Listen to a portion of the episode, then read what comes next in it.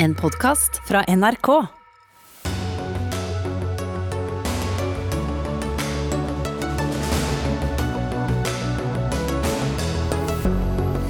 Nye nedstengninger og smittetopper, men folk får lov til å reise til fjells i påsken.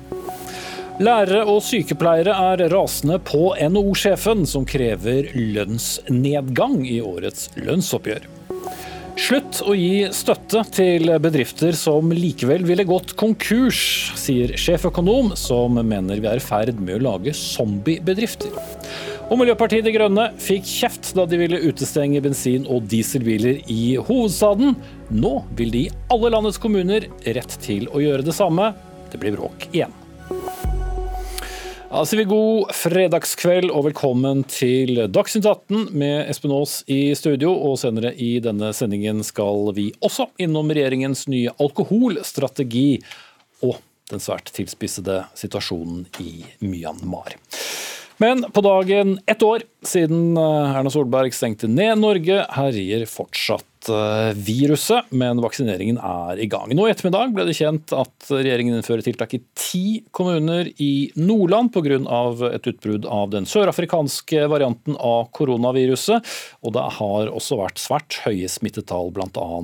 i hovedstaden. Likevel, hyttefolket fikk i dag beskjed du kan reise når påskeferien starter om noen uker. Og statsminister Erna Solberg, er det klokt å sende folk rundt i landet nå som eh, vi stadig hører om smittetopper og nye utbrudd?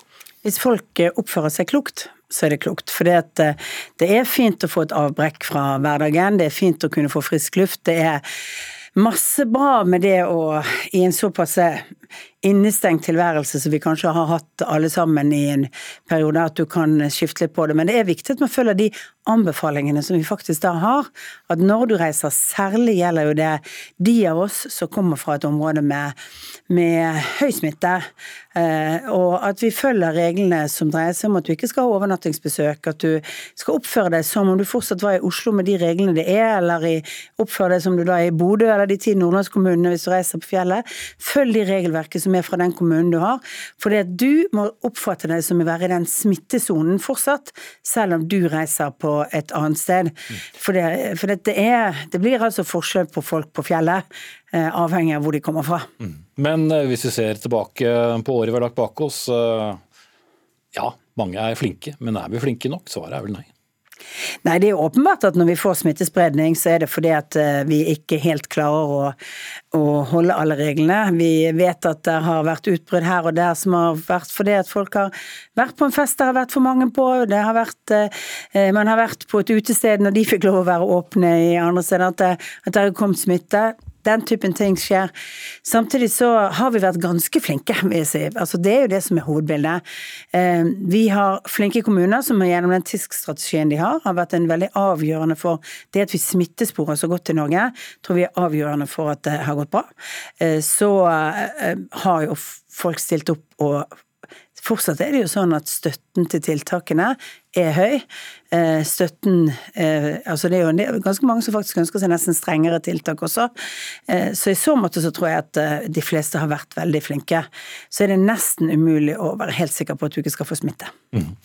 Helsedirektør Bjørn Gullvåg, vi har også åpnet opp for, for, påskefjellet. Samtidig så fortalte Helse Bergen til Bergens Tidende at de for første gang hadde oppdaget et tilfelle av den brasilianske mutasjonen, i tillegg da til denne sørafrikanske i Bodø. Kan gi en slags oppsummering av hvordan vi er når det gjelder disse mutasjonene og spredningen?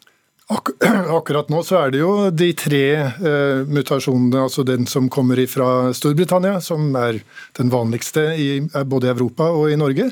Og så er det stadig flere tilfeller av den sørafrikanske, og vi har også uh, flere tilfeller nå av den brasilianske varianten. Og vi kommer nok til å få enda flere av dem videre fremover.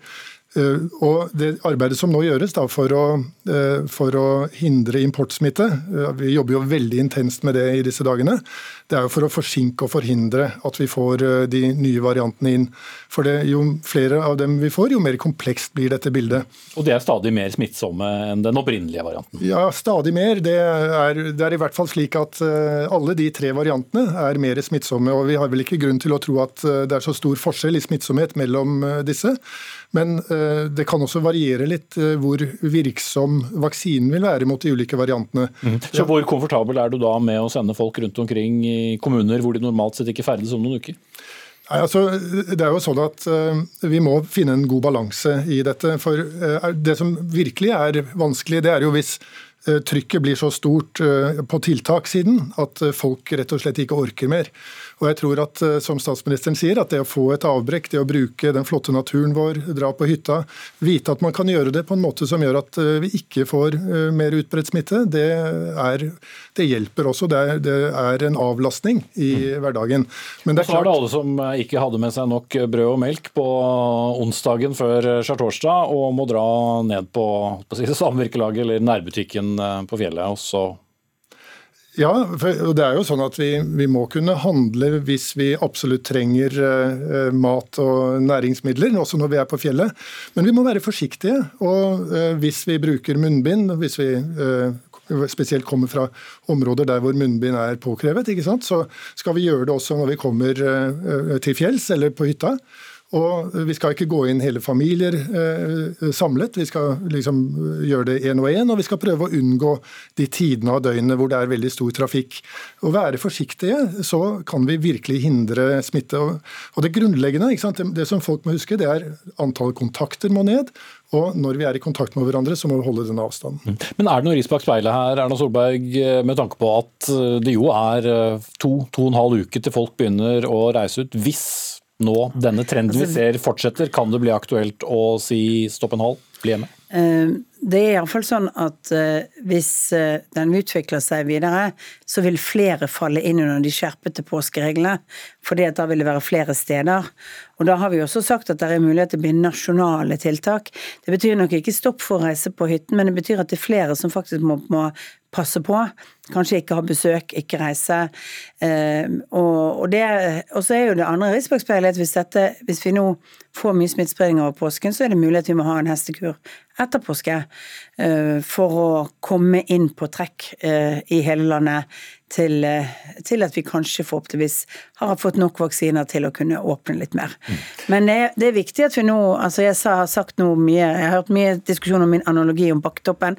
Men, du skulle komme med en selv. Ja, ja, jeg tenkte du skulle gjøre det. Det har alle gjort i dag. og sånt, sånt. Men det er jo viktig å huske at den bakketoppen, den Vi må faktisk ta de riktige stegene for å komme opp på toppen av den. Mm. Jeg skulle si var hvorfor kunne ikke også påsken vært en av disse siste bakketoppene? Ja, eh, det er jo en balanse i dette eh, som dreier seg om uh, at det skal være proporsjonalt, det skal være forholdsmessig det vi gjør. Og påsken har en veldig viktig, viktig tradisjon i Norge. Derfor så, så, har vi tenkt at hvis folk oppfører seg sånn som anbefalingene er, så er det ikke farlig at folk reiser på påskefjellet. Men hvis de ikke gjør det, så kan vi få større smittespredning. Mm. Og alle som ikke skal på påskeferie og skal være i byene, de får det vel sånn sett da, litt strengere? Ja, De får jo kose seg i byen. da. Jeg var jo her i fjor, selv om jeg reiste ikke til Bergen, eh, selv om jeg egentlig hadde tenkt meg den det gangen, siden det var nesten, selv om jeg egentlig bor der, sant, så jeg tenkte at det var definert som hytte. Og jeg så nå at folk koste seg godt i, i Oslo, og det tenker jeg vi alle kan gjøre. Vi får bare krysse fingrene for en fin altså fint vær i påsken, sånn at man kan være ute og, og få frisk luft og oppleve litt annerledes. Mm. Vi smitter jo gjerne også litt hjemme. Men den store forskjellen på påsken 2021 mot påsken 2020 Bjørn Grog, er jo at uh, nå ganske mange i risikogruppen jo faktisk er uh, vaksinert. Er det grunn til å tro at denne vaksineringen som vi nå er gjennom, også vil merkes når vi kommer på andre siden av påsken? For Det er klart det er jo en del som vil være spent på om vi får en smittetopp, slik vi gjerne får etter mm. høytider og ferie. Jeg tror den vil merkes, men ikke ved at smitten kommer til å bli så påvirket. Men derimot så vil vi nok eh, se langt færre dødsfall i tiden som kommer. Og det er vi jo kjempeglade for, fordi at eh, så mange av eh, de som er i risikogruppene er vaksinert allerede. Og vi ser det allerede i institusjonene, altså de sykehjems beboerne, som, eh, hvor, hvor, det er veldig veldig mye lavere eh, antall dødsfall. Så vil jeg også si at En, en gledelig ting er at det er eh, nedadgående smitte nå i, i, flertallet av landets fylker. Så Det er veldig mange som gjør en eh, fantastisk fin innsats. Altså. Og, og, Det som kanskje nå gjenstår, det er Oslo-Viken, det er, det er eh, Vestfold, eh, gamle Vestfold, litt i Rogaland, og så er det jo Bodø og Salten-området som har tatt veldig gode grep nå. Så nå, nå, må vi la oss inspirere også av eh, de som virkelig lykkes med dette. Mm. Men så er det da folk som kommer fra f.eks. Oslo-området, hvor jo ingenting har vært eh, åpent på ganske lenge. Når de da kommer til kommuner hvor spisesteder, puber osv. er åpent, skal de gå inn, eller skal de la være? Nei, da, da, bør de tenke på hva Raymond Johansen har sagt til osloboerne. Eh, og de bør følge de rådene som er gitt til Oslo-boerne. For den gjelder faktisk også når de er ute på reise, eh, og i andre kommuner. Mm. Eh, så, så, rådet er oppfør deg som hjemme når du er ute, men det er og blir et råd. Så skulle du sette deg ned og spise, så ja, Alt er ikke regulert i lov, men vi appellerer naturligvis til folks fornuft og, og solidaritet med de som, uh, har, som, er mest sårbare. Og det finnes mange av dem fremdeles i denne pandemien. Ja. En innstramming eh, som også ble kjent i dag, er at dersom man har vært på det som er en ikke nødvendig eh, reise til utlandet, skal nå på karantene. Hotell kan ikke reise hjem. Hvorfor den innstrammingen? Det å gi et veldig kraftig signal. Eh, altså Vi har sagt og sagt at denne påskeferien er ikke for å reise hjem. Det er et signal eller reise til hjem hvis du har foreldre eller andre som bor i utlandet og du bor fast i Norge, eller å reise for å se til eh, leiligheten din i Spania eller andre steder. Og det er fordi det er høy smitte andre, eh, andre steder. Vi er, og vi er nødt til å ha god kontroll. Vi har jo litt andre regler for det å komme inn over grensen hvis du er bofast i Norge, enn hvis du er arbeidsinnvandrer. Andre arbeidsinnvandrere de må jo ha en test med seg. Det har vi ikke krevd av nordmenn. Men det betyr at vi faktisk sier at du da, selv om du tester det på grensen, så må vi vite litt mer. Så du må altså opp på, opp, øh, altså være på karantenehotell iallfall i tre dager. Eh, litt avhengig av hva Eh, kapasiteten i kommunene. At du da kan, hvis du får en negativ eh, prøve, eh, reise og ta resten av karantenen hjemme. Mm. Men du må ha noen dager i karantene først, fordi vi må blir man da stanset på, på flyplassen f.eks. da? Ja, da får, du, da får du beskjed, som om du var at du skal være på karantenehotell. Mm. Ok, jeg setter strek der. Det er altså ettårsdagen siden Norge stengte ned. Kanskje har alle de som hamstret eh, havregryn, dopapir og hermetikk fått eh, spist opp lageret nå. Takk til statsminister Erna Solberg fra Høyre og helsedirektør Bjørn Gullvåg.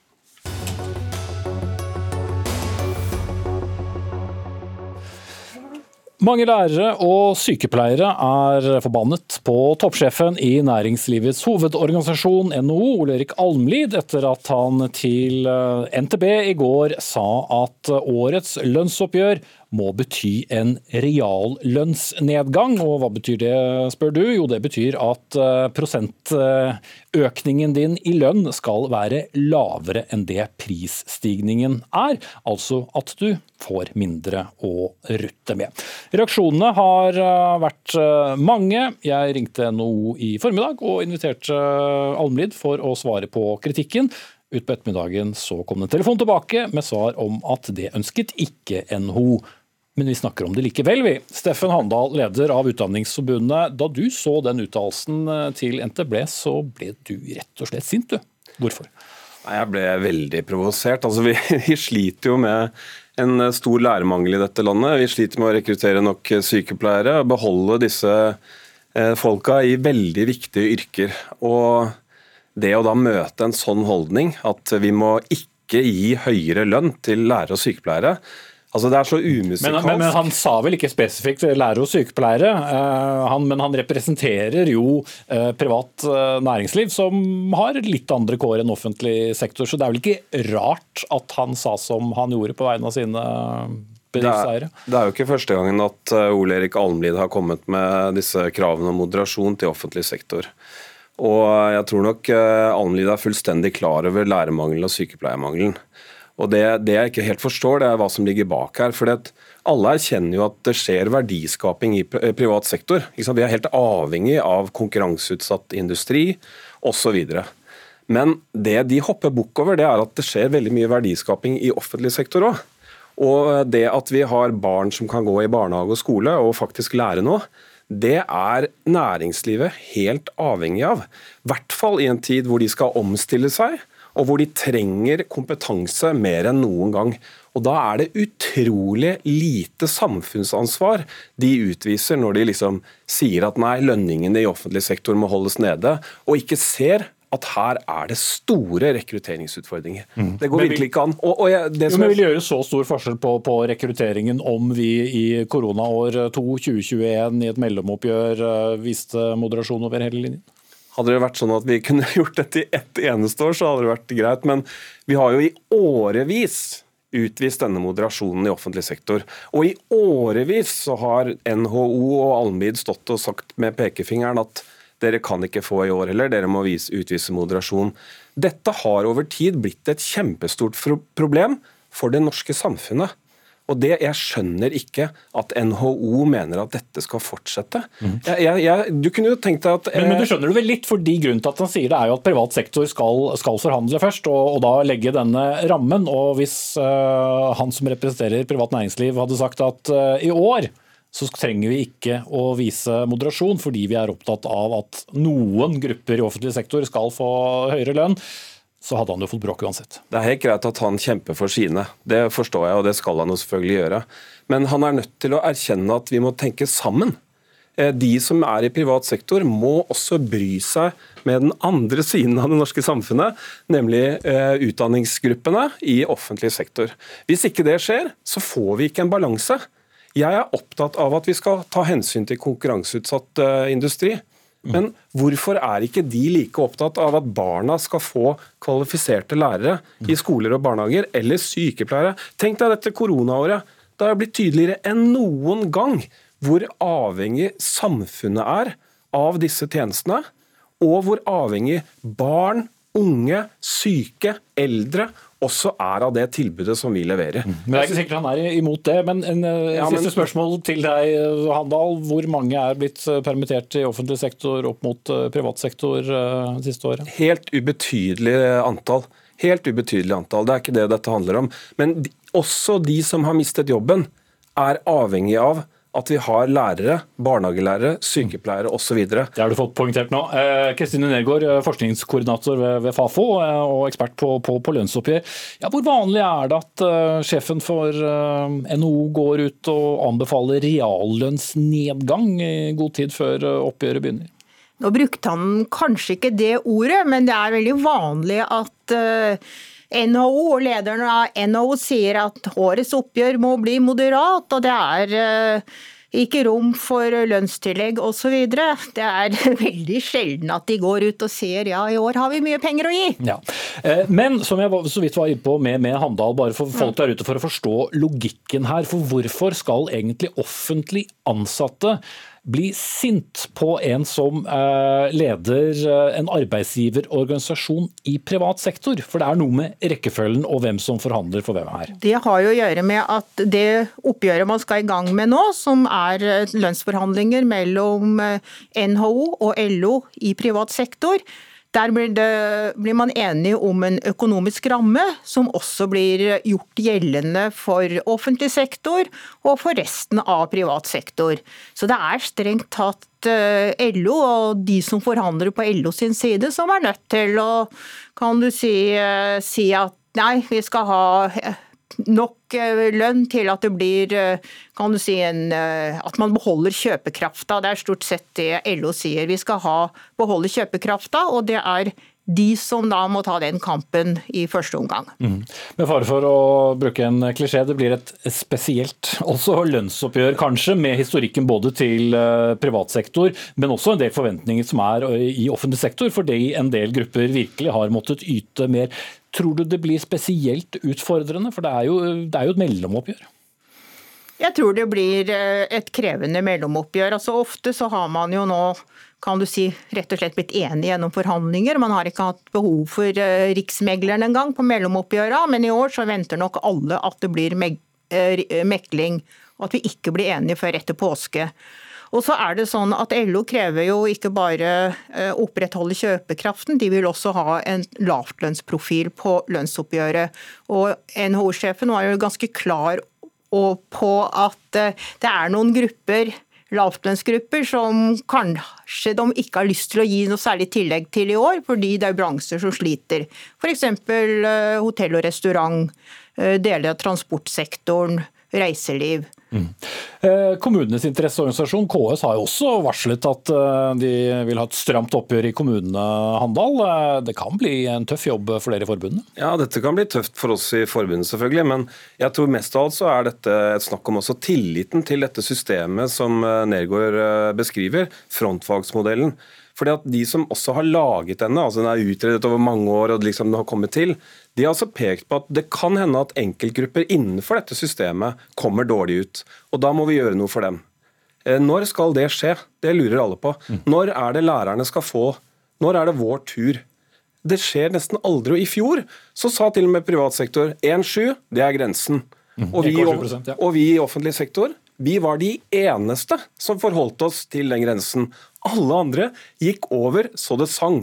Og Det er klart, det er, det er ikke troverdig, og det sliter på tilliten til det som i utgangspunktet er et veldig fornuftig system. Så vi må gjøre noe innenfor systemet, hvis ikke så rakner tilliten til det fullstendig. Sikkert er det at vi diskuterer frontfagsmodellen minst en gang i året her i Dagsnytt 18. Takk skal dere ha, Steffen Handal, leder av Utdanningsforbundet, og Kristine Nergård, forskningskoordinator ved Forskningsstiftelsen Fafo.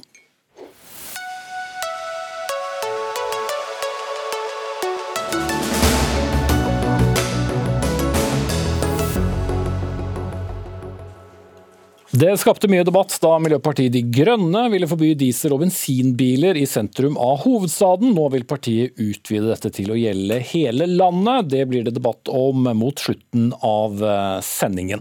Men eh, det skal bli et uh, lite koronavedheng nå òg, for til tross for både nedstengninger og strenge smitteverntiltak, så har antall konkurser i Norge gått ned.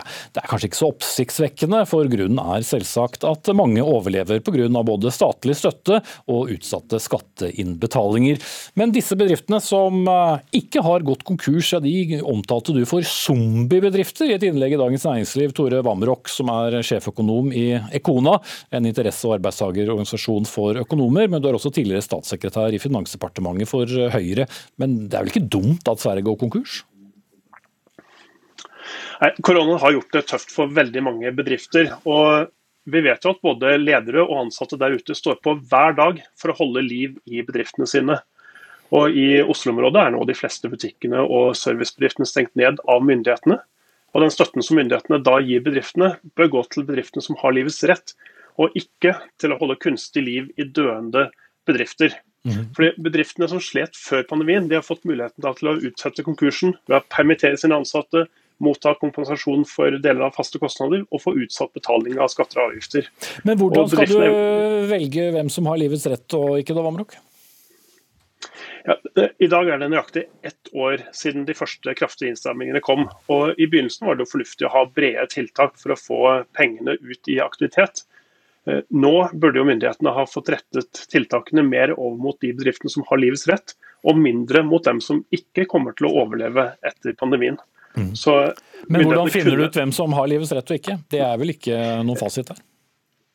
Nei, og, og, det er ikke en enkel sak som, eh, som jeg tror myndighetene sitter med en nøkkel, men det kunne kanskje ha sett til finansnæringen. fordi Bankene er jo eksperter på å vurdere om bedrifter er livskraftige eller ikke når de da hver dag sitter og vurderer lånesøknader fra næringslivet. Mm.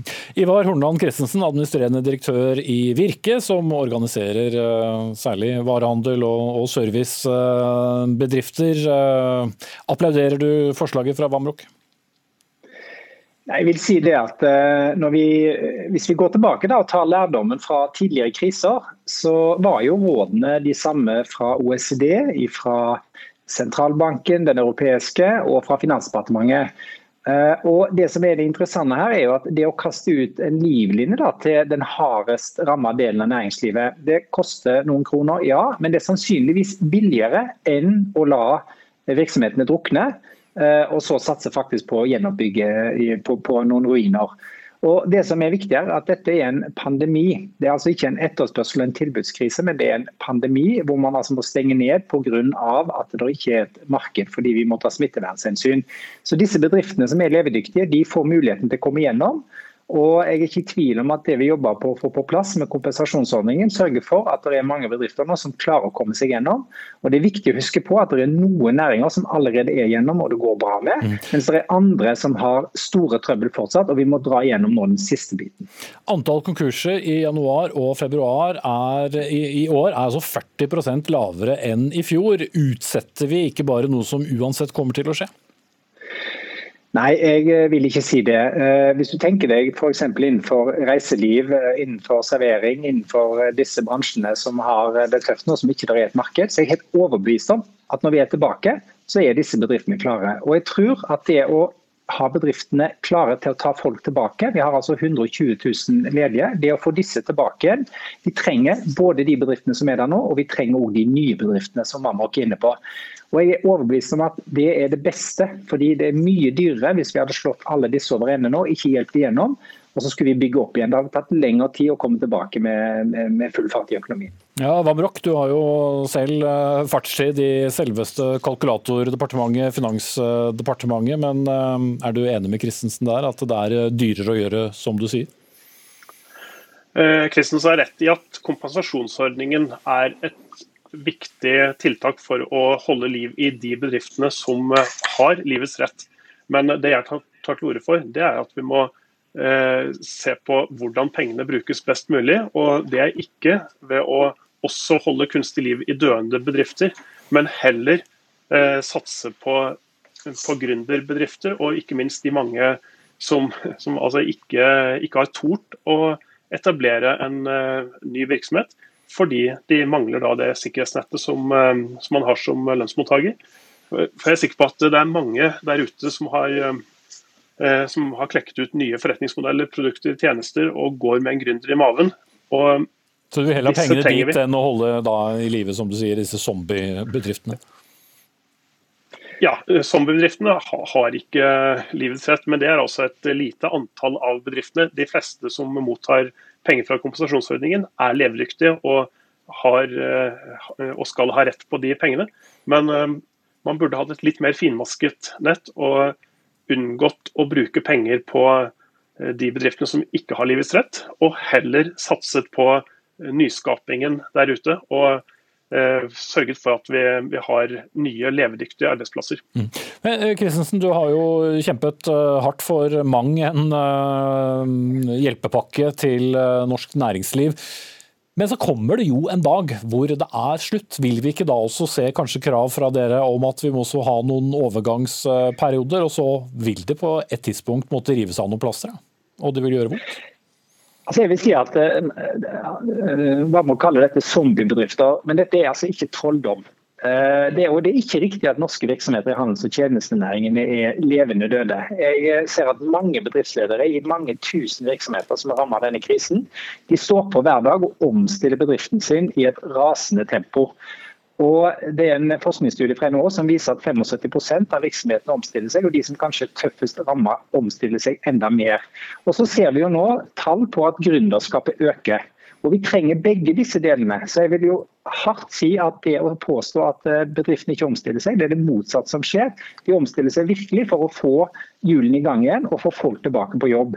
Og Vi trenger begge delene, for vi tapte altså 100 000 arbeidsplasser i fjor. Vi skulle egentlig ha skapt 25 000. Og vi skal skape 25 000 nye arbeidsplasser hvert år i ti år fremover hvis det skal gå bra i dette landet. Så vi trenger det eksisterende, og de nye bedriftene de kommer. Og det er To av tre nyansatte er i de nye bedriftene, og de kommer også til å komme kraftig når vi nå forhåpentligvis er ute av krisen øyeblikk. Mm.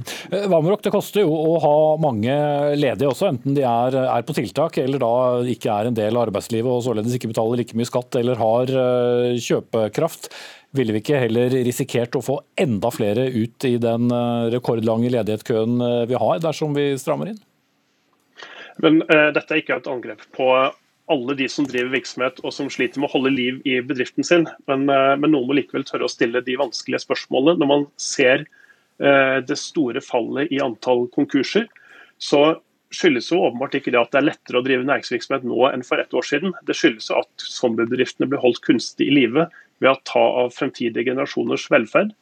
Og jeg er ikke så bekymret for at det blir en kraftig økning i ledigheten når det gjelder de bedriftene som allerede har permittert sine ansatte, eh, hvis det er de bedriftene som, som Christensen eh, viser til, så, så, så, er dette bedrifter som eh, holder de ansatte på vent. Lokalene står tomme og, og gjelden bygger seg opp mens bedriften eksisterer, men ikke lever. Og Det er det jeg kaller en zombiebedrift. Mm. Ja, kort til slutt, Christensen.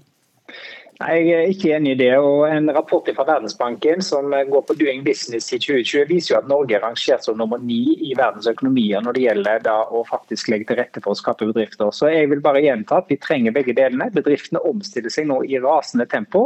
Og så trenger vi en kraftig fokus på nyskapning og vekst. og Det ser vi jo nå tallene som, som viser nå i media de siste ukene.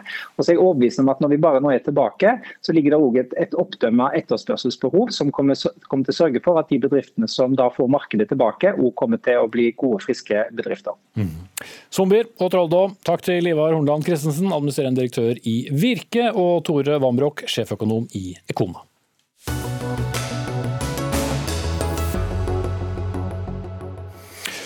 Hvordan skal vi få ned det skadelige alkoholkonsumet i Norge? Kan det hjelpe å, Unnskyld. Kan det hjelpe å merke flaskene bedre, mon tro? Det var i hvert fall ett av virkemidlene da regjeringen i går la frem sin nye alkoholstrategi.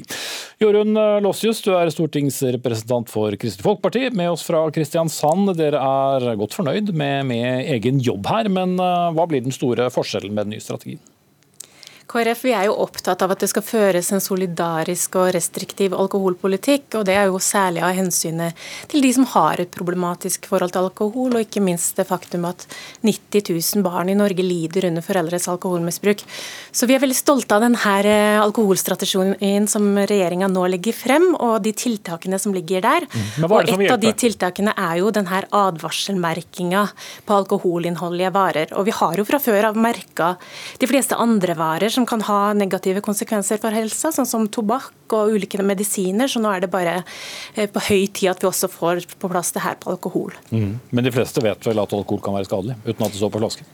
Ja, jeg vil håpe det, men samtidig så tenker jeg det at vi sikrer at alle får den kunnskapen, og også den påminnelsen. Og ikke minst så handler det her om en anerkjennelse av at uh, alkoholmisbruk det er et folkehelseproblem som påvirker oss som samfunn, men ikke minst det påvirker enkeltpersoner og, og menneskene rundt de.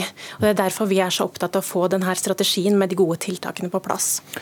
Morten Stordalen, stortingsrepresentant for Fremskrittspartiet i Stortingets helsekomité. Da vi snakket med dere, så var dere ikke så veldig imponert over eh, denne alkoholstrategien. Hvorfor ikke? Nei, hvis det, det, med å sette en liten klistrelapp eh, på en vinflaske er det store gjennomslaget og store gjennombruddet, for det er det som er nytt. Eh, jeg klarer ikke å se noe annet nytt. KrF har heldigvis ikke fått gjennomslag for mer. Jeg registrerer at regjeringen nå fortsatt er opptatt av, enig med Frp, at det er viktig å ha et lavt avgiftsnivå for å slippe grensehandelslekkasje. Det viser også drikkevaneundersøkelse at det ikke er noe mer eh, måte, forbruk. Eh, det ligger stabilt. Eh, og det er noe med det. Eh, KrF har jo kjempa i årevis for å øke avgiftene. Og så redusere åpningstider og skjenketider. Jeg registrerer at det er ikke noe nytt i den meldingen, annet enn at det er noen klistrelapper. Det har jeg ikke noe problem med. Men eh, spørsmålet er hva er det neste for KrF, hva de skal merke?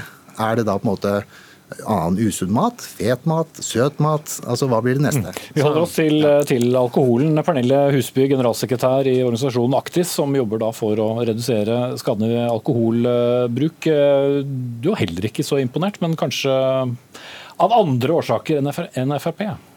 Jeg er jo først og fremst glad for at vi har fått en strategi, og syns at KrF fortjener honnør for det. Eh, men vi, og det, som ligger i strategien, er jo en god del gode tiltak på behandlingssiden. Også dette med merking av alkohol. Men vi mener jo også at alkoholstrategien er altfor svak, fordi den ikke kommer opp med reelle tiltak som vi vet virker for å redusere inntaket av alkohol. Som f.eks.? Som f.eks. pris, eh, grensehandel, altså kvoter f.eks., som, som ville gjort at vi, vi, kunne fått en reell endring i mm. folks vaner. Mm. Alle de tingene som Stordalen er glad for eh, ikke er der. Jeg ja, Lossus, var det så stor seier med, med denne merkingen, da? Aller først må jeg jo si at jeg syns det er herlig å høre at Frp etterlyser mer gjennomslag for eh, KrFs eh, ansvarlige alkoholpolitikk, når de kjører en så totalt uansvarlig alkoholpolitikk selv. Vi snakker om et parti som ønsker å selge øl på bensinstasjonene, der du fyller bensin. Det er jo som å be om økt promillekjøring. Mm. Men gjennomslaget deres, var det, var det så stort? Du, denne strategien den handler jo først og fremst om å videreføre den restriktive linja som vi har i dag, som, og, og, solidariske linja som vi har i dag, som vi vet også at Aktisk eh, er veldig opptatt eh, av. og Varselsmerking og innholdsmerking det er jo noe som også har vært viktig for dem. Men i tillegg så får vi også på plass en rekke andre ting. Det er mer til forskning. Vi jobber for at idretten fortsatt skal være en eh, alkoholfri arena. Vi styrker det forebyggende arbeidet, og ikke minst så tar vi noen initiativ her som er veldig veldig spennende. Mm. Vi tar et initiativ til et toppmøte blant, eh, blant partene i arbeidslivet for å snakke om de negative konsekvensene som alkohol kan ha på arbeidslivet. Vi tar eh, et initiativ til en samtale med utdanningsinstitusjonene, med studentforeningene. Og sikkert mange andre tiltak. Ja, jeg vil gjerne ramse opp de, for vi er veldig stolte. Det er dere jo glad i. Men altså, enhver strategi i en koalisjon er også gjerne en, eh, en øvelse i kompromisser. Er du enig i at dere ikke kom langt nok, slik som Husby Huseby og Aktis er eh, antyder? Det er jo vårt gjennomslag på Granevolden som gjør at vi har en så god og solidarisk og restriktiv alkoholpolitikk i dag. Vi kan jo bare tenke oss dersom KrF, nei, hvis Frp hadde sittet med hånda på rattet i alkoholpolitikken, det hadde jo vært en ren katastrofe. Og, jo, men spørsmålet var om dere fikk godt nok gjennomslag? Jeg mener at vi fikk godt nok gjennomslag, for det ser vi i den strategien her nå. Og selvfølgelig, KrF, det her er en av våre kjernesaker.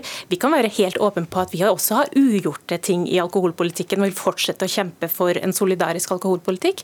Men vi er veldig stolte av den eh, alkoholstrategien som vi legger fram nå. Men Stordalen, siden du er såpass eh, fornøyd, så kommer vel dere da bare til å, å klappe dette gjennom. Men jeg trodde dere var imot for mye overformynderi og advarsler? Jo, men Det er jo det, derfor dette kommer. Eh, det er fordi at eh, KrF eh, sammen med formynderpartiene Senterpartiet og Arbeiderpartiet vedtok dette i Stortinget. Men så registrerer jeg at KrF nå tydeligvis, i hvert fall i meldingen, da, de står bak den meldingen, er enig med Frp at det er riktig å sette ned avgiftene for å forhindre grensehandel. For det handler om norske arbeidsplasser, som også er viktig. Og det, og det er sånn at Frp vil selvfølgelig gå mye lenger med å på en måte få ned avgifter. Eh, og på en måte om eh, det er på en måte viktig å få en sånn etikett, altså det lever vi veldig godt med. Det er ikke et problem. Men uh, spørsmålet er på en måte om det er det store forskjellen. Det tror jeg ikke. Mm. Det er sikkert Huseby på. og det er mange holdningskampanjer og informasjon som er bra. Og når du ser i meldingen at det er, på en måte, det er ikke bra å drikke alkohol når man er gravid, og det er på en måte ikke kjøre i alkoholpåvirket tilstand med bil Jeg tror alle vet det. Det ja, Huseby, hvor, hvor mye virker egentlig det om det står på, på, på flasken? Det som er bra med denne strategien, er at man kan ta i bruk flere virkemidler samtidig, sånn at vi eh, får ut informasjon eh, til grupper som kanskje ikke er så kjent med hvor skadelig alkoholforbruk er. Og F.eks. sammenhengen med alkohol og brystkreft, en av de mest utbrutte kreftsykdommene, er, der, der viser det jo at to av tre eh, ikke kjenner til at det er en sånn sammenheng.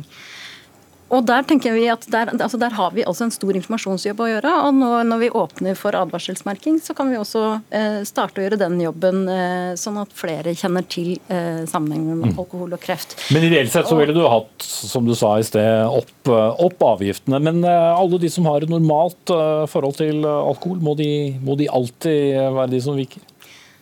Det vi vet er jo at også de som er storkonsumenter av alkohol, påvirkes av den alkoholpolitikken vi har. Så jo mer vi alle sammen drikker, jo mer drikker også de som er stordrikkerne. Så hvis vi får ned totalkonsumet, så vil det også ha en veldig stor eh, positiv virkning på de som har de største problemene. Så det å gjøre de store regulatoriske virkemidlene, altså det å holde prisene høye nok, eh, og sørge for at vi ikke har så stor tilgjengelighet som Frp ønsker her, det vil hjelpe oss alle. Det gjør at eh, barn og unge har en tryggere hverdag hjemme, de som har eh, sårbarhet i hjemmet sitt. Og også for folkehelsa totalt sett, og sånn økonomisk sett, så vil jeg jo si at det å ha en restriktiv alkoholpolitikk gjør eh, veldig godt for oss totalt sett, fordi vi får eh, lavere utgifter til helse, helseproblemer. Hvordan smaker de lavere avgiftene for dere i KrF Lossius? Jeg tenker at eh, det som er eh, Den store hovedforskjellen her mellom oss og Frp, det er jo det at for KrF så er ikke alkoholpolitikk næringspolitikk, det er helsepolitikk. og Der har du den store forskjellen. FrPs alkoholpolitikk det er bare fri flyt, ikke sant. Det er mindre avgifter. og de avgiftene, Vi skulle gjerne sett at avgiftene var, var, høyere, fordi at vi vet at det er, eh, pris er ofte utslagsgivende. og Ikke minst så er det en klar sammenheng mellom økt tilgjengelighet og forbruk og misbruk. og Det er noe som Frp nekter å ta inn over mm. seg. Men Stordalen, eh, det er en anerkjennelse av at vi må ha tiltak også mot eh, misbruk av alkohol. At dere har et skuldertrekk, men sier at dette er greit? Jo, men det er holdningskampanjer og, på en måte, og opplyst, eh, opplyst, om alkohol og hva det kan bety eh, med et misbruk. Det er ikke Frp imot i hele tatt. Eh, og så er det noe med, litt interessant med KrF. da. Fordi at man er veldig fornøyd med denne meldingen. Ja, det står i meldingen at avgifter, hvis man øker det, så kan det omgås ved økt grensehandel.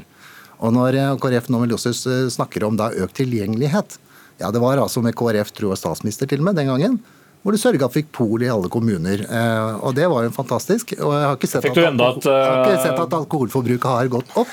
Det som går opp, det er når du grensehandler og kjøper store kvanta. Nettopp fordi noen av de som gjør det Men akkurat nå om dagen er det i hvert fall uh, få som gjør det. Jeg setter strekk der, selv om både du og Lossius sikkert hadde noen flere poenger dere gjerne ville slenge til hverandre. Men takk til Jurund Lossius, stortingsrepresentant fra Kristelig Folkeparti, Morten Stordalen, stortingsrepresentant fra Fremskrittspartiet og Pernille Husby, generalsekretær i Aktis.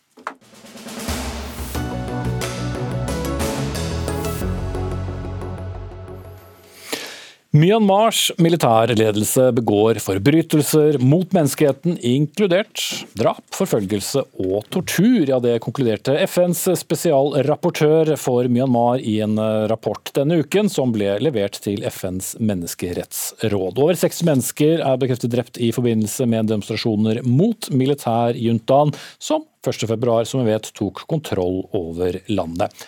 Flesteparten av de som er drept, er unge, under 25 år, og er, mange av dem er skutt i hodet.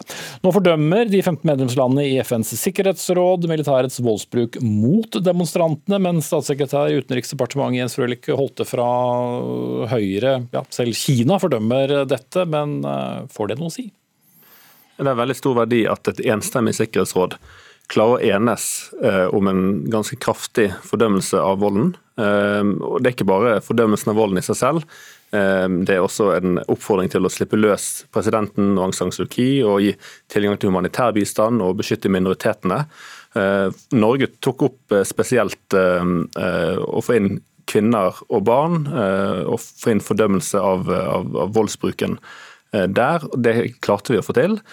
Eh, men at verdenssamfunnet står samlet bak den uttalelsen, er et ekstremt sterkt signal eh, mm. til militærregimet. Og Det er jo ofte det ikke er slik i FNs eh, sikkerhetsråd, men her er det også rapporter om veldig grov vold. Nettopp det at folk blir skutt i hodet. Det er ikke streifskudd som fører til skader, men det som kan se ut som ganske målrettet skudd fra militæret. Og det er spesielt.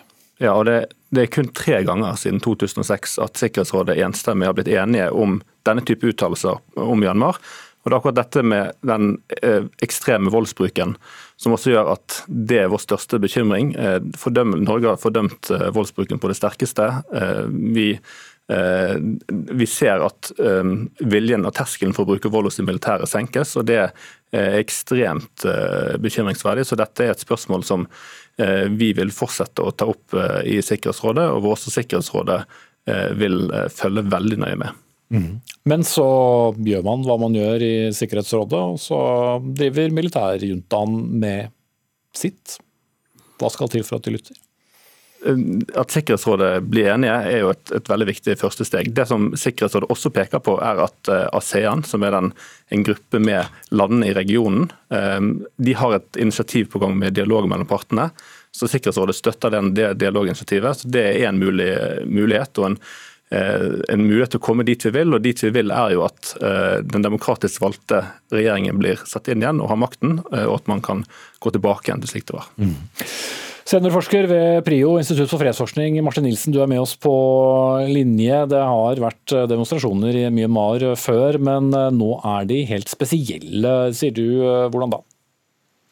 Ja, Motstand mot det militære i Myanmar det er jo noe som har definert flere generasjoner i Myanmar. Eh, og Det synges sanger og brukes symbolikk fra 1988 i dag også. Men de nye generasjonene eh, som er på gaten i dag, de er, eh, har levd i et mer eller mindre fritt samfunn. I hvert fall hvis man sammenligner med tidligere generasjoner. Og det har vært ti år nå med med politiske reformer.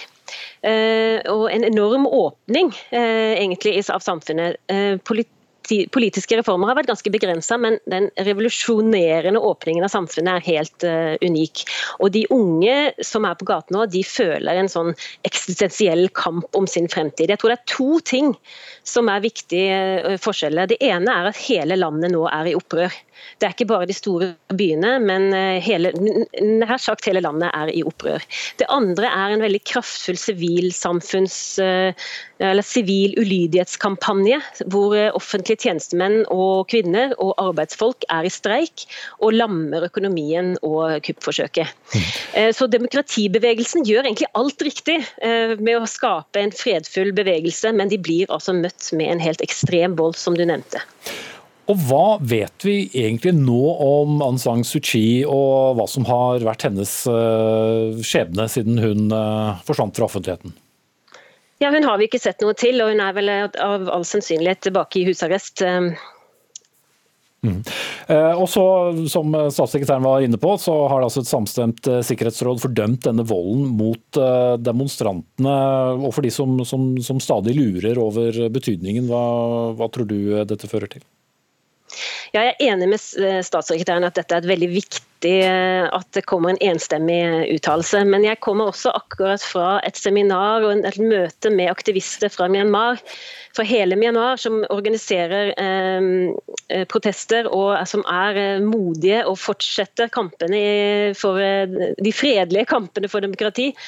Eh, og Det er stor kampvilje, men det er også en økende frustrasjon og frykt og sinne. og Det er jo akkurat det militæret forsøker å, å skape, denne frustrasjonen og sinne. Så nå er det et desperat rop om hjelp eh, og internasjonal handling. Mm. og Jo Norge lenger det pågår, jo, jo, tøffere blir det åpenbart for demonstrantene i og med de møtes med såpass skarpe midler. Tøft.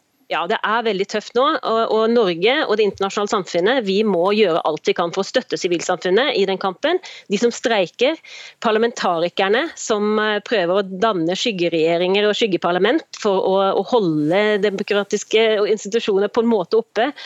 Det er mm, det er ikke nok med erklæringer, det er veldig viktig nå at vi får tungt politisk press, aktivt diplomati og legge geopolitikken til side. Mm, og eh, hjelpe ASEAN med å få til eh, en avtale med militæret, at de legger ned våpenet. For dette er en ensidig handling fra militæret som er uh, helt uten sidestykke. Vil Norge gjøre noe spesielt, eller er det først og fremst noe FN holdt til? Vi har eh, f.eks. frosset stat-til-stat-bestanden, eh, som eh, beløper seg til rundt, rundt 60 millioner i året pga. maktovertagelsen. For dette er jo aktuelt for oss å ha et direkte samarbeid med militærregjeringen om bistandsprogrammer. Og så ser vi på hvordan vi kan støtte sivilsamfunn, menneskerettighetsforkjempere og også media i Myanmar for å kunne beholde eh, måtte styrken i det sivile samfunn. Og eh, Vi håper i det lengste at det vil være mulig å, å støtte de i Myanmar, eh, slik at man klarer å holde la oss si, oppe den viljen til å vise at demokrati er det folk i Myanmar ønsker. Og, Men Hvordan går det i det klimaet som er der nå? Så langt har vi egentlig har det gått greit. Det har ikke vært eh, veldig store endringer, men det kan fort endre på seg. Så vi er å følge situasjonen veldig nøye når det gjelder bistandsprogrammene våre, og hvordan vi innretter de eh, best mulig. Men Det er på en måte det er et konkret virkemiddel. Og så har vi selvfølgelig også ja, politisk dialog med, med ASEAN f.eks., som, som er veldig viktig for å finne løsninger. Vi fortsetter å følge situasjonen. Takk til Jens Frølich Holte, statssekretær i eh, Utenriksdepartementet fra Høyre, og Martin Nilsen, seniorforsker ved PRIO, Institutt for fredsforskning.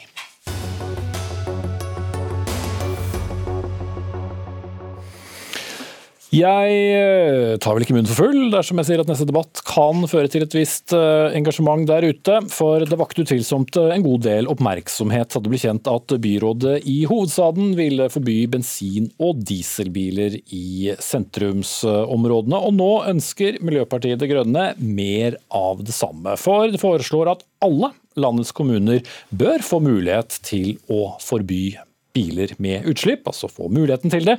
Per i dag har regjeringen kun åpnet for noen få prøveprosjekter. Og Arild Hermstad, nestleder i Miljøpartiet De Grønne, trenger egentlig alle landets kommuner den muligheten? Eh, jeg er veldig for eh, at kommunene skal kunne bestemme mest mulig sjøl. Eh, og i miljøpolitikken så er det veldig ofte sånn at kommunen faktisk ikke får lov til å gjøre det som er nødvendig for å nå klimamålene sine. Og det blir f.eks. fryktelig merkelig at regjeringen skal nekte en kommune å si at i dette kvartalet eller denne delen av en by så skal man ikke kunne innføre nullutslippssone den samme kommunen kan innføre en bilfri sone her, men altså et mindre inngripende tiltak, som er altså en nullutslippssone. Det får kommunen ikke lov til å gjøre. Og Her mener jeg at regjeringen bare må få fingeren ut og rett og slett gi kommunene muligheten til å gjøre dette. Men hva er egentlig den store effekten av å ha noen få soner i kommuner der man ikke skal kunne kjøre inn med bensin- eller dieselbil? Eh, det vi i De Grønne er opptatt av, er at vi skal ha en stor verktøykasse når vi skal gå løs på den virkelig store klimakrisen. Eh, den krisen som kommer til å møte oss når vi er ferdig med korona. Eh, og Kommunene har i dag en hel haug med hindringer på veien. og Det å lage en nullutslippssone er jo bare ett lite tiltak. Men, Men Sier du da indirekte at effekten ikke er så stor, siden du sier det er et uh, lite tiltak? Det er jo i så fall et tiltak som uh, ja, lett blir omdiskutert, for å si det mildt? Altså Summen av de tiltakene kommunen ikke får lov til å gjøre, den er ganske enorm. Eh, hvis du legger til at kommunen ikke kan sette ned fartsgrensen på statlige veier, eh, ikke har muligheten til å innføre eh, og kreve at private tar parkeringsgebyr på privat grunn. De utfordrer kommunene sitt forsøk på å innføre fossilfrie anleggsplasser, som man bl.a. har gjort i Oslo. Men har du nullutslippssone vi diskuterer her, da? Ja, men Poenget er jo at kommunene må få flere muligheter til å kutte utslippene sine. og Da må ikke regjeringen stå i veien for det. Regjeringen skal jo hjelpe oss med å nå klimamålene våre, og ikke være en obstruksjon. og Det er det vi opplever her. og Dette er ett av mange tiltak som får ned utslippene. Notert. Vi har gjentatte ganger forsøkt å få noen fra Samferdselsdepartementet til å stille, uten at det gikk noe særlig. men uh, Jon Gunnes, nestleder i transport- og kommunikasjonskomiteen på Stortinget fra regjeringspartiet Venstre. Bør ikke kommunene få styre dette selv? Er det noe poeng å si sentralt uh, fra at uh, dette får dere ikke lov til hvis dere vil? Av alle ting som MDG liksom protesterer mot regjeringa på, så syns jeg det her var nesten det merkeligste forslaget. For nå altså prøver vi på et pilotprosjekt vi er jo litt enig med MDG om at vi må prøve også disse områdene, f.eks. med nullutslippssoner. Og eh, Da vil vi ha en pilot fordi at eh, vi, det tross alt veitrafikkloven må forandres litt hvis det skal være permanente ordninger.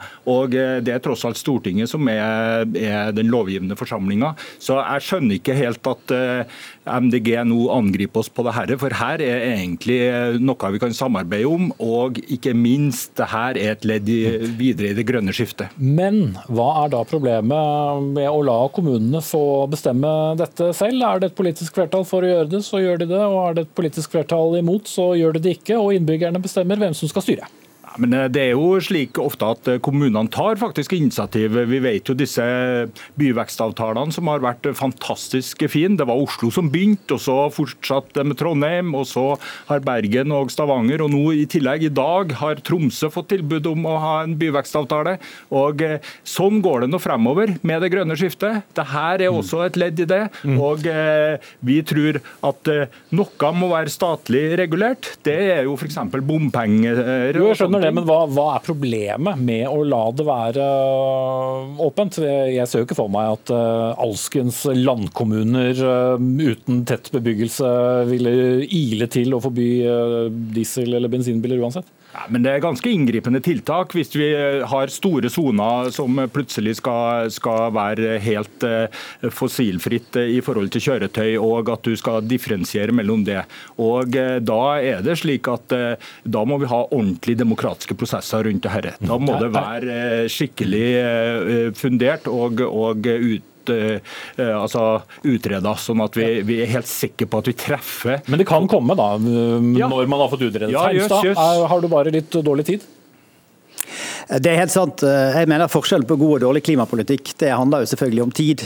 Og Pilotprosjekter og få lov til å teste ut i én eller to byer Eh, det er ikke godt nok. Eh, og Det Gunnes glemte å si, er jo at eh, kommunene uansett i disse pilotfasene får heller ikke lov å teste det på statlige veier. Det har de sagt ned foten for. De har også lovet oss at de skal bruke ganske lang tid på å finne ut om dette kan gjennomføres. Og sånn, Det er oppskriften på dårlig klimapolitikk. er dette. Og så er det også viktig jo, å si én ting. Altså hvis klimaeffekten uansett ikke er så stor som du antydet i sted, Hermstad, hvorfor gjøre akkurat dette til en kampsak, hvis utslippene kan begrenses på andre måter? Eh, ja, men da må vi komme opp med de andre måtene å få ned utslippene på. Da må jo man for eksempel, da må Venstre også stemme for økte bompenger i de byene som har behov for det. Eh, og Vi har en hel rekke andre tiltak som vi skal gjøre. Og så tror jeg det er viktig, Dette er selvfølgelig en klimasak, men det handler også om luftkvaliteten til de som bor i de områdene som vi ønsker å ha nullutslipp. Eh, og Vi vet at ett av fem barn i dag opp, med, vokser opp med astma. Vi vet at hovedgrunnen til det er biltrafikk, og veldig mye av det skyldes utslipp fra bensin- og dieselbiler. Mm. Og De som bor i disse områdene har jo krav på ren luft, og det er også en del av eh, det vi snakker om når vi snakker om nullutslippssoner. Og det mm. haster. Ifølge klimameldingen så skal da disse forbudssonene opprettes med hjemmel i veitrafikklovens paragraf 7, særlig forbud mot trafikk. Loven sier at grupper av kjøretøy kan forbys, men bensinbiler, dieselbiler og elbiler er da ikke definert som egne kjøretøygrupper. Eh, her må det gjøres en del, Gunnes? Ja da, og det er derfor vi kaller det pilot.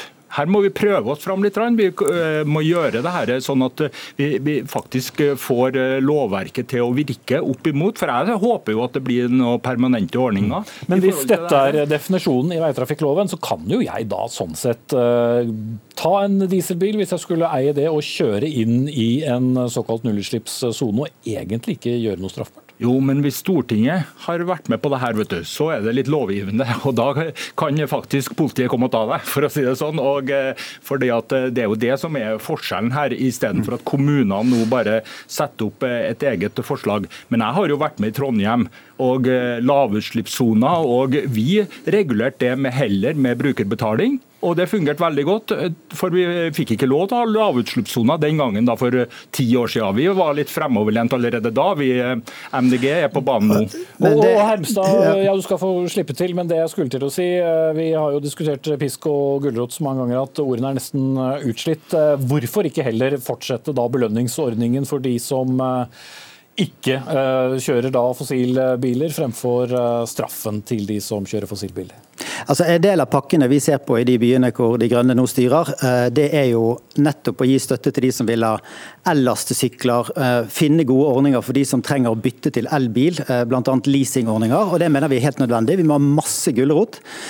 Men det er jo ikke sånn at dette handler ikke nødvendigvis om partipolitikk. Dette handler om at norske kommuner har satt seg vanvittig ambisiøse mål. Det skal være nullutslipp i 2030. og Det betyr at om ni år så er det slutt på bensin og diesel i disse kommunene, uansett hva, hvor lang tid Venstre har lyst til å bruke på å se på lovhjemler og drive med pilotprosjekter. Vi trenger å komme i gang. og Det vi hadde trengt fra regjeringen var sånn ja, hvis ikke veitrafikklovens paragraf 7 er god nok, så må vi fikse den. Men fremdeles så er det jo ikke to streker under svaret om dette faktisk er lov. Så jeg mener at dette må kommunene få lov til å teste ut. Vi trenger hjelp og støtte fra staten, og vi trenger også hjelp og støtte fra staten til å slutte å si at vi ikke får lov til å blande oss inn i statlige veiene. For de er et sånn stort problem i mange byområder. Jo, det er jo det du får. Du får hjelp faktisk med disse pilotprosjektene. For da får vi undersøkt om det er noe hold i det både du og vi gjerne vil være med på. Det grønne skiftet enda mer i byene. Og da får vi faktisk få prøvd det og ha noen demokratiske prosesser rundt det. Vi kan ikke overkjøre folk i forhold til det her. Mm. Sikkert er det at det stadig blir debatt av det. Takk til Jon Gunnes fra Venstre og Arild Hermstad fra Miljøpartiet De Grønne. Vi er ved veis ende på denne sendingen på ettårsdagen for da Norge stengte ned. Da Ansvarlig for sendingen det var Dag Dørum. Det tekniske ansvaret hadde Frode Thorshaug. Her i studio sitter eh, Espen Aas, og selv om vi tar helg, så er det ny flunkende runde med Dagsnytt 18 fra mandag av. Vi ses da. Takk for nå.